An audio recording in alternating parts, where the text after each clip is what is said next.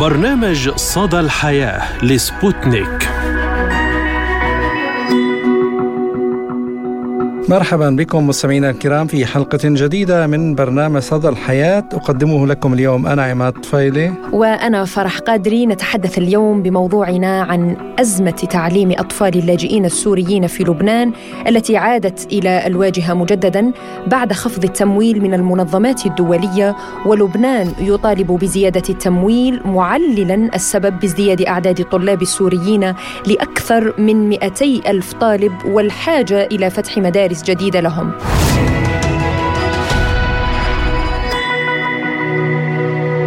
لا شك أن نتائج وتداعيات الحروب والكوارث التي تحصل في بعض البلدان قد تكون كارثية على البلدان نفسها وعلى مصير شعوبها. وخلال الأعمال الحربية المتبادلة يتم تدمير البنى التحتية وكذلك بيوت السكان المدنيين وتتوقف مناحي تطور الحياة الاقتصادية والاجتماعية وتعم الفوضى وبالتالي تنزح وتتهجر الناس نتيجة عدم الأمان والفقر والعوز والحرمان. وتضطر هذه الفئة المتضررة من من الناس إلى النزوح والهجرة إلى البلدان المجاورة الأكثر امانا وازدهارا كما حصل مع اللاجئين السوريين في لبنان وبلدان أخرى. لكن لبنان بلد صغير بجغرافيته ومساحته وموارده الاقتصادية ويعاني حاليا أزمات اقتصادية ومالية واجتماعية خانقة. دفعت بالقسم الكبير من اللبنانيين للهجرة للخارج والتفتيش عن الأمان والبحبوحة الاقتصادية والمعيشية. ومع وجود أعداد كبيرة من اللاجئين السوريين على أرضه والتي تبلغ نحو 40% من عدد سكانه زادت من حدة مشاكل لبنان الاقتصادية والاجتماعية. وفي آخر تصريح لوزير الداخلية في حكومة تصريف الأعمال اللبنانية بسام مولوي قال إن النزوح السوري لم يعد يحتمل منتقدا مفوضية الأمم المتحدة لشؤون اللاجئين التي رأى أنها تتعاطى مع هذا الملف بمعزل عن أي اعتبار لوجود الدولة اللبنانية. وحذر مولوي في كلمته من أن ملف النازحين بات يهدد ديمغرافية لبنان وهويته وقال نحن نقوم بواجبنا وزارة وحكومة ولكن لم يعد مقبولا على مفوضية اللاجئين السوريين الاستمرار بالتعاطي مع هذا الملف بهذه الطريقة.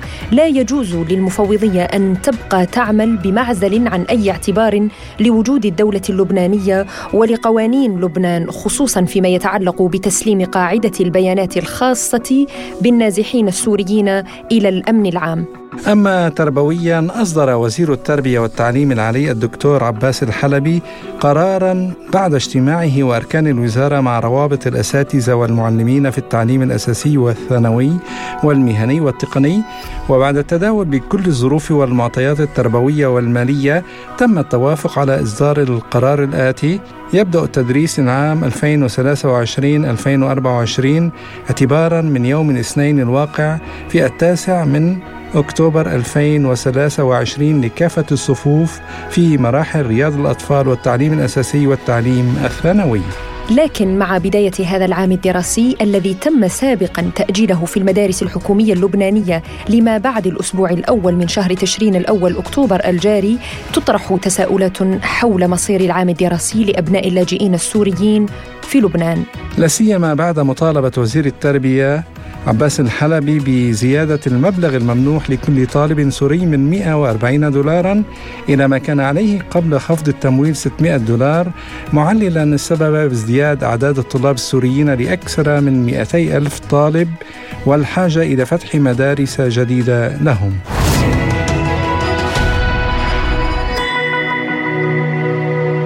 وللتعليق على هذا الموضوع نستضيف من بيروت الخبير الاقتصادي والمالي الدكتور محمد موسى. أهلا ومرحبا بك دكتور محمد في حلقة اليوم من البرنامج. ونسألك يعني كيف هو الواقع التربوي في لبنان بالنسبة للطلاب اللبنانيين وأطفال النازحين السوريين؟ لا شك أن الواقع التربوي يمر بأزمة صعبة في لبنان إن لجهة الأساتذة إن لجهة اللوجستيات وإن لجهة النقل نفسه في زمن التضخم. بعد كورونا وما يجري في العالم ككل. ناهيك عن الأزمة اللبنانية منذ ثورة تشرين وحتى الساعة والكل يدرك أن الاقتصاد اللبناني هو الأكثر تضخما في العالم بعد فنزويلا وزيمبابوي وبالتالي للأسف لا زالت رواتب الأساتذة مقارنة بالمقارنه بالليرة اللبنانية وبالتالي أصبحت منهارة متصاحبة مع انهيار الليرة. وبالتالي أضحى الموضوع التربوي كله في خطر والعام التربوي على غرار الأعوام التربوية السابقة. ما هي إلا ترقيع بترقيع ومحاولة كما نقول للملمة القطاع قبل سقوطه، لا شك أن العامل السوري هو عامل حاسم بهذا الموضوع ولكن للأسف هناك مؤامرة على الطالب السوري كما هي مؤامرة على العام الدراسي اللبناني بمكان ما. هناك مسؤوليات واضحة على المجتمع الدولي لابد أن يأخذها بعين الاعتبار. نحن نتحدث من خلال وجود آه، أرقام دقيقة تتحدث أن البوتنشل أو القادرين على التعلم أو المفروض لهم التعلم ما بين سن ثلاثة أو أربع سنين حتى حدود 17 عام يقارب العدد 700 ألف وقد ناقلته العديد من آه، المقالات والوسائل الإعلامية. وبالتالي إذا دخل من هؤلاء ما يقارب ال 50% يعني نحن نتحدث عن 350 ألف طالب لديهم القدرة والبوتنشل على الدخول وبالتالي لابد من تجهيز مدارس لابد من تجهيز لوجستيات لابد من تجهيز أساتذة قادرين. طيب يعني دكتور في ظل هذا الواقع المؤلم يعني من سيدعم المدرسة الرسمية في ظل تقاعس المنظمات الدولية وتقليص حتى القيمة التعليمية للطلاب السوريين واللبنانيين على حد سواء؟ لا يكفي من المجتمع الدولي أن يحدثنا السيد جوتيريش وكل المنظمات الدولية أن لبنان وكرم الضيافة وشعب مضياف واستضاف اللاجئين وكرم لبنان المطلوب مساهمة فاعلة على غرار ما يجري في الكثير من الدول المحيطة المستضيفة للاجئين السوريين وغيرهم بإضافة مبالغ قادرة دون طلب آه كما نقول أجندات سياسية أو اندماج أو غيرها أو توطين وكل ما يحكى من هذا القبيل. تحت مسمى التمويل وبالتالي بدل أن يزيدوا للبنان للأسف اقتطعوا وقللوا وبالتالي محق آه الدكتور عباس الحلبي وزير التربية في مطالبة المجتمع الدولي بدعم المدرسة الرسمية بدعم الدولة اللبنانية في ظل ما يجري من تخبط على المستوى الاقتصادي والمالي وبالتالي الدولة اللبنانية غير قادرة أن تقوم بحملها تجاه الطلاب اللبنانيين الموجودين. فما بالك إذا أضفت إليهم أزمة اللاجئين السوريين. وهنا للمناسبة لابد أن أسجل أن حق لكل طفل مهما كانت جنسيته أو لونه أو عرقه وبعيدا عن أي عنصرية أن يكون له الحق في التعلم. من هنا تأتي مسؤولية المجتمع الدولي لكي يدعم لبنان ويدعم اللاجئ السوري أن يتعلم لأنه بعيدا عن التعليم سننشئ للأسف جيل لم نحصد منه إلا الإرهاب والمشاكل وكل الذي يجري في المنطقة. كما تفيد المعلومات يعني دفعت المنظمات الدولية لصندوق الأهل عن كل تلميذ سوري 140 دولارا بينما عن كل تلميذ لبناني 18 دولارا يعني كيف تعلق على هذا؟ يعني فيك الخصام وأنت الخصم والحكم انظر إلى هذه المفارقة لشعب لبناني صدر عن اليونيسف أن 82% من هذا الشعب باتوا فقراء أكثر من 50% بطالة صدر عن البنك الدولي أنها ثالث أزمة على مستوى العالم بآخر 150 سنة، اللبنان بحاجة إلى شبكات أمان اجتماعي في ظل كل هذا الذي صدر عن المجتمع الدولي للأسف يقلص قيمة الدفع إلى صناديق المدارس على مستوى الطالب اللبناني إلى 14 دولار في حين يتحدث عن 140 للسوري. وللمناسبة كلا الرقمين لابد أن يعدل من المجتمع الدولي إذا كان يرغب في أن يكون هناك جودة في التعليم قدرة على انطلاق العام الدراسي حفظ كرامة الأساتذة وحفظ كرامة أهالي التلاميذ والتلاميذ نفسهم والوصول إلى عام تربوي كما نقول نموذجي. على غرار الكثير من الدول لا يقل الدفع عن الطالب السوري أو عن أي لاجئ حوالي 600 دولار والطالب اللبناني انخفضت إلى ما يقرب 80 90% نزول وبالتالي ما هو الدافع لذلك؟ الحجة بتقلص. الموازنات هذا كلام مردود عليه كيف يكون هناك موازنات للعديد من اللاجئين في كل دول العالم دعم للكثير من دول العالم وترك لبنان للأسف وحيدا يصارع هذه المشكلة هو واللاجئ السوري على حد سواء. وبالتالي من هنا تأتي المؤامرة على تعليم السوريين واللبنانيين في آن واحد. وبالتالي وجب على المجتمع الدولي هنا أن يتدخل وجب على الدول المانحة على الدول القادرة. هناك دول كثيرة في العالم ضمن إطار اليونسكو قادرة على التدخل قادرة الجهات الدولية عبر الأمم المتحدة قادر العديد من الدول التي للأسف يعني تحدثت مؤخرا أن لا غير ليس هناك قدرة إلى عودة السوريين، أتحدث عن الولايات المتحدة، أتحدث عن الاتحاد الأوروبي الذي تحدث عبر بوريل أن لا إمكانية لعودة السوريين، إذ لم يكن هناك إمكانية لعودتهم فمن باب أولى دعم المجتمعات المضيفة لكي تستطيع أن تعلم هؤلاء بدل أن يكونوا مشاريع هجرة في السفن أو يكونوا لا سمح الله قتلى في بحر المتوسط أو يكونوا لا سمح الله مشروع إرهاب إن لم يتحدثوا عن التعليم، فحيث يغيب التعليم سيحل الفقر والجهل والإرهاب. طيب يعني لو نتحدث بالأرقام، هل هناك إحصائيات دقيقة عن عدد النازحين السوريين المتواجدين في لبنان، خاصة فئة الأطفال الذين هم بحاجة إلى التعليم؟ الرقم هو 700 ألف البوتنشل اللي عندهم القدرة لازم يفوتوا على المدارس بين عمر 3 و17 ولكن المقدر إن يفوت منهم 40 أو 50% حسب طبيعة المجتمعات. والرقم المقدر ما بين 280 ألف إلى 350 ألف طالب وهو بالمناسبة رقم كبير جدا على قياس دولة على غرار لبنان. الكل يدرك عبر المعايير الدولية وكنا استعرضناها مطولا لا بالمعنى الاقتصادي ولا بالمعنى الاجتماعي ولا بالمعنى المالي المباشر لبنان يتحمل هذا العبء أو يستطيع أن يتحمل هذا العبء. وبالنسبة إلى رقم اللاجئين الموجودين في لبنان هو رقم كما تعرف كما نقول هو وجهة نظر. بالحقيقة لا أرقام المفوضية تعطى إلى الدولة اللبنانية مع الداتا وهي تطالب بذلك ولا أرقام حقيقية سوى من بعض المنظمات الأهلية أو صادرة عن بعض آه، المؤسسات الحكومية، الرقم يتراوح ما بين مليونين وثلاث ملايين. ناهيك عن موجة النزوح الأخيرة التي ترافقت خلال هذا الصيف في ظل الأوضاع الاقتصادية في سوريا. وبالتالي كل هذه أعباء تضاف إلى جملة الأعباء على الدولة اللبنانية نفسها تجاه مواطنيها. وهذا يدفعني مرة أخرى لاقول على المجتمع الدولي أن يكرم الدول المضيفة من خلال المزيد من المعونات المزيد من الدعم المادي المزيد من القروض بعيدا عن أي أجندة سياسية. ودعني أشير هنا إلى بيان ورد عن الجمهورية القبرصية منذ أقل من شهر تحدث أن هناك خطر حقيقي على أوروبا في حال لم يدعم لبنان. وبالتالي لا سمح الله إذا انكسر لبنان أو تحللت الدولة في لبنان سيكون هذه البواخر قادمة إلى أوروبا في ظل حديث ما يجري. كما نقول الحديث الأول في أوروبا اليوم هو موضوع اللاجئين القادمين. وبالتالي من باب أولى أن تدعم الدول المضيفة بعيدا عن أي اجندات سياسية لكي يستقر الوضع فيها حتى لا تكون يعني أمام موجات هجرة جديدة إذا أرادت الخروج من هذا مصب. دكتور محمد يعني لماذا لا تقدم هذه المساعدات للنازحين السوريين وأبنائهم في داخل سوريا وهي أصبحت آمنة بشكل كبير؟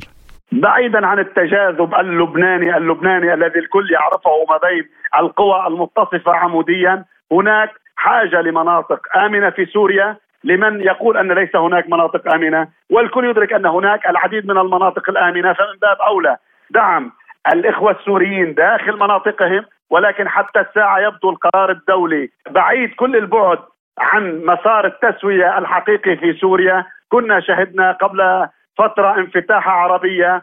الحديث بدأ عن حل دولي ما قادم إلى سوريا. يبدو أن هذا الحل تفرمل في مكان ما ربما واشنطن وربما غيرها حتى الساعة الكل ينتظر. ولكن بانتظار الحل السياسي هل يبقى وضع السوريين على ما هو عليه؟ هذا أمر مؤسف. السوريون بحاجة إلى التعليم السوريين بحاجة إلى الطبابة والسوريون اولا وأخيرا بحاجة كما قال الملك عبد الله في آه، خطبته داخل الأمم المتحدة عندما تحدث مستقبل السوريين هو داخل بلادهم وقطعا ليس في الدول المضيفة عنا لبنان وتركيا والأردن وغيرها من الدول وبالتالي من يريد مصلحة سوريا عليه الشروع في حل سياسي لعودة السوريين إلى بلادهم ودعمهم من خلال حل سياسي اقتصادي شامل يشمل إعادة الإعمار ويشمل الأمن والأمان والتسوية السياسية الكاملة كما يقال.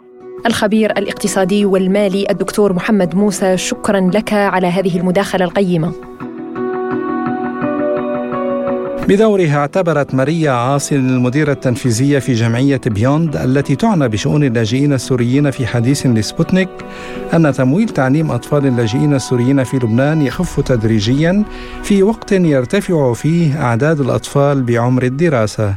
عندهم شروط الضغط العلاقة بالدمج.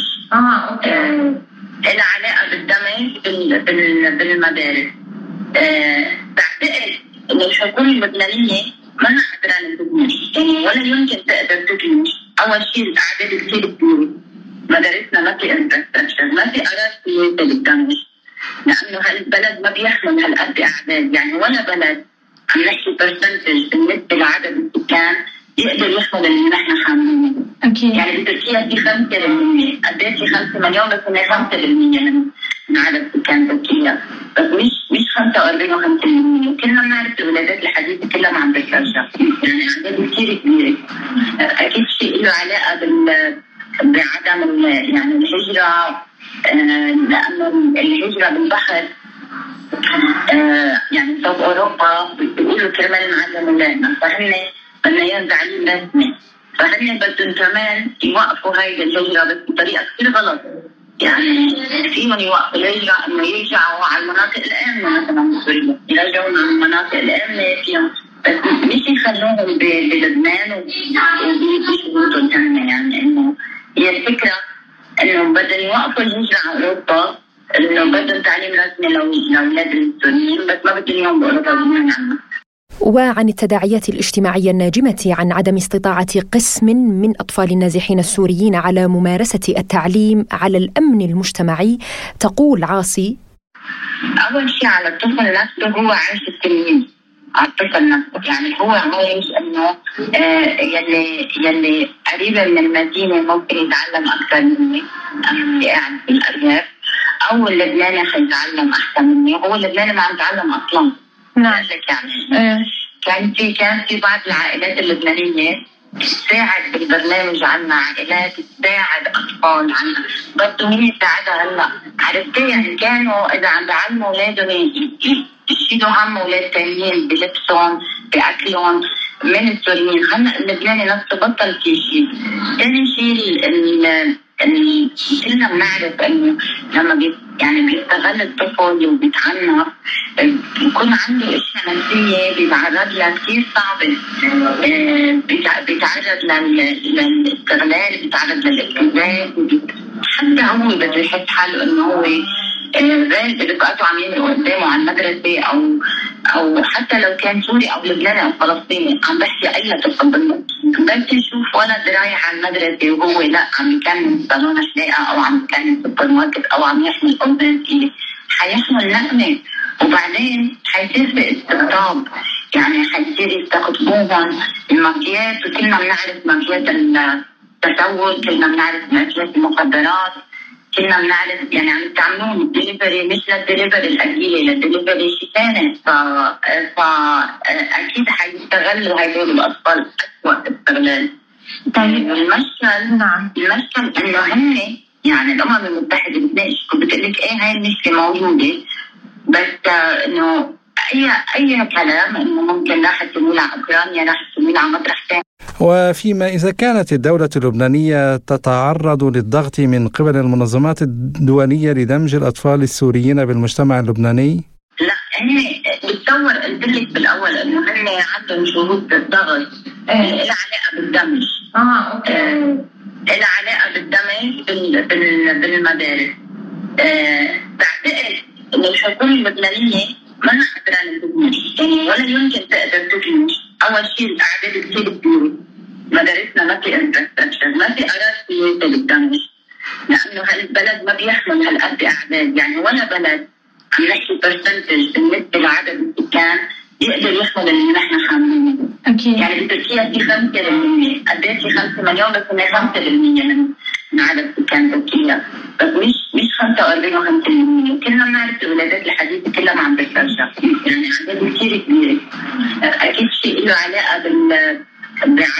يعني الهجره آه، لأنه الهجره بالبحر آه، يعني صوب أوروبا بيقولوا كرمال نعلم اولادنا فهن بدنا تعليم رسمي فهن بدهم كمان يوقفوا هاي الهجرة بس بطريقة كثير غلط. يعني فيهم يوقفوا الهجرة إنه يرجعوا على المناطق الآمنة مثلا بسوريا يرجعوا على المناطق الآمنة فيهم.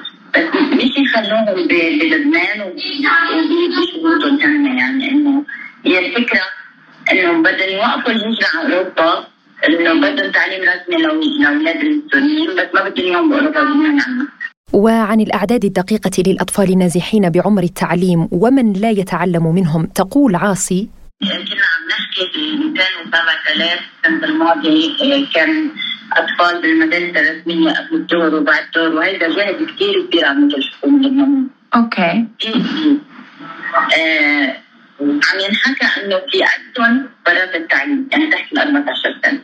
من 2015 بطل في تسجيل آه رسمي يعني بطل عم يتسجل تسجيل رسمي عم ياخذوا كود وهذا الكود طلبته هلا الحكومة اللبنانية لتشوف قديش صاروا أعداد السوريين يعني حتى لبنان ما عنده ارقام واضحة من بعد 2015 لأنه طلبت وقف تسجيلهم وعندك المشكلة الثانية اللي هي لها علاقة بال, بال... يعني يعني اللجوء للبنان بدون تسجيل أصلا. يعني كثير ما بيسجلوا لأنه تحت الكميه تهريب ف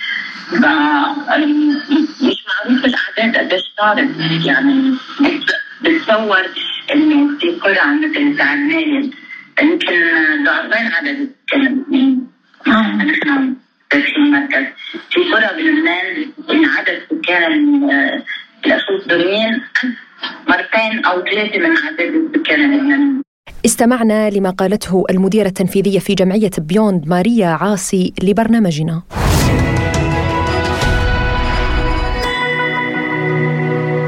نواصل معكم مستمعينا الكرام حلقة اليوم من برنامج صدى الحياة بمجموعة متنوعة من الأخبار. ونبدأ بهذا الخبر الحزين يعني ضجت مواقع التواصل الاجتماعي بخبر وفاة الفنانة اللبنانية الكبيرة نجاح سلام عن عمر ناهز الثلاثة والتسعين عاما بعد مسيرة فنية حافلة. الفنانة اللبنانية الأصل والتي حصلت على الجنسية المصرية حاصلة على جائزة الأوسكار من جمعية تكريم عمالقة الفن العربي في الولايات المتحدة عام 1995 وأول من نعاها ابنتها سمر العطيفي في منشور عبر حسابها الرسمي على موقع التواصل الاجتماعي فيسبوك وكتبت وانتهى المشوار عروبة ماما في رحاب الله في إشارة إلى مقطع من أغنيتها الشهيرة سوريا يا حبيبتي الذي يقول لن ينتهي المشوار يا عروبة حتى تعود أرضنا السليبة. لم ينتهي المشوار يا عروبة حتى تعود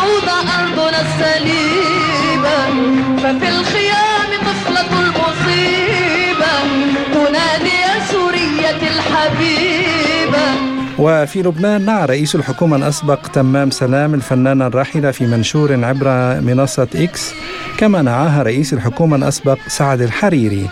ونعاها أيضا الفنان مروان خوري والإعلامي زاهي وهبي والفنان معين شريف والممثلة كارمن لبس والنائب فؤاد مخزومي وعدد كبير من الشخصيات الفنية بينها الفنان السوري نصيف زيتون.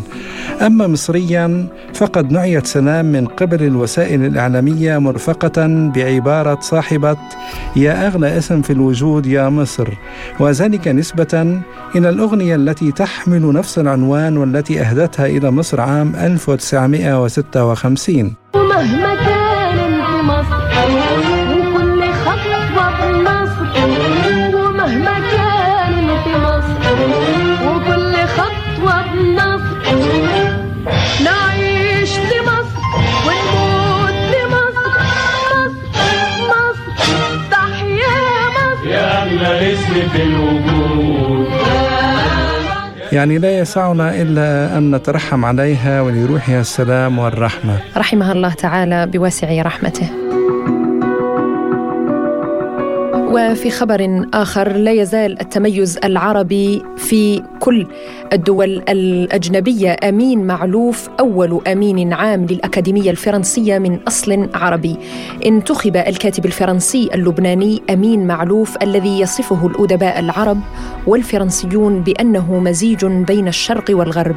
أمينا عاما دائما للأكاديمية الفرنسية وهو منصب سيشغله مدى الحياة ولم يشغل منصب التأمين العام للأكاديمية سوى 32 شخصا منذ عام 1634 ويعد أمين معلوف أول شخصية من أصل عربي تتولى هذه المهمة. وهذا شرف لنا كلنا كعرب. وكان ينظر إلى أمين معلوف صاحب 74 عاما على أنه المرشح الأوفر حظا لقيادة الأكاديمية إذ تحظى شخصيته بالإجماع نظرا إلى انخراطه القوي في أنشطة المؤسسة التي انضم إليها عام 2012 ويخلف معلوف إيلين كارير دانكوس التي توفيت في أغسطس آب الماضي وقد فاز بهذا المنصب بأغلبية 24 صوتا مقابل ثمانية لمنافسه وصديقه الكاتب جان كريستوف روفان. وحصلت عملية الانتخاب بصورة مغلقة خلال الجلسة الأولى للأكاديمية بعد العودة من الإجازة. ومن جهتها قالت وزيرة الثقافة ريما عبد الملك وهي أيضا فرنسية من أصل لبناني لدى وصولها إلى مقر الأكاديمية بعد الانتخابات إنه اختيار ممتاز كاتب عظيم ورجل أخوة وحوار وتهدئة. وأكدت أن انتخاب معلوف يحمل رمزية رائعة لجميع الناطقين بالفرنسية في العالم.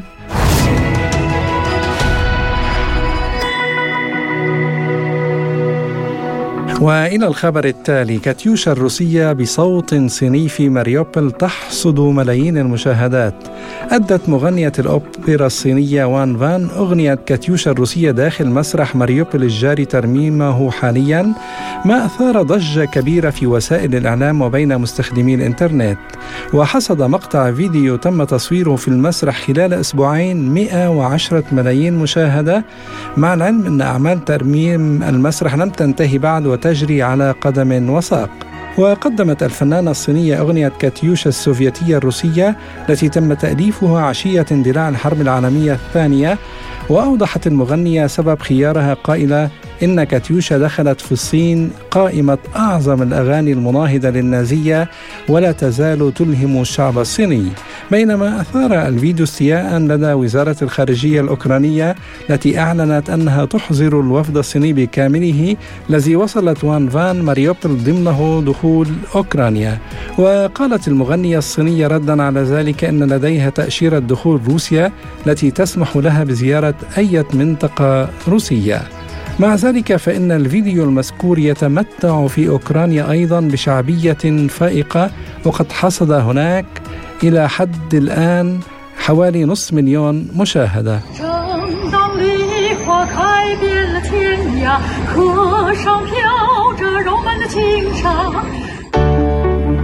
ونختم حلقة اليوم من برنامج صدى الحياة مستمعينا الكرام كما عودناكم دائما بمعلومة طبية. نصائح طبية للتغلب على الإنفلونزا بسرعة ودون عواقب.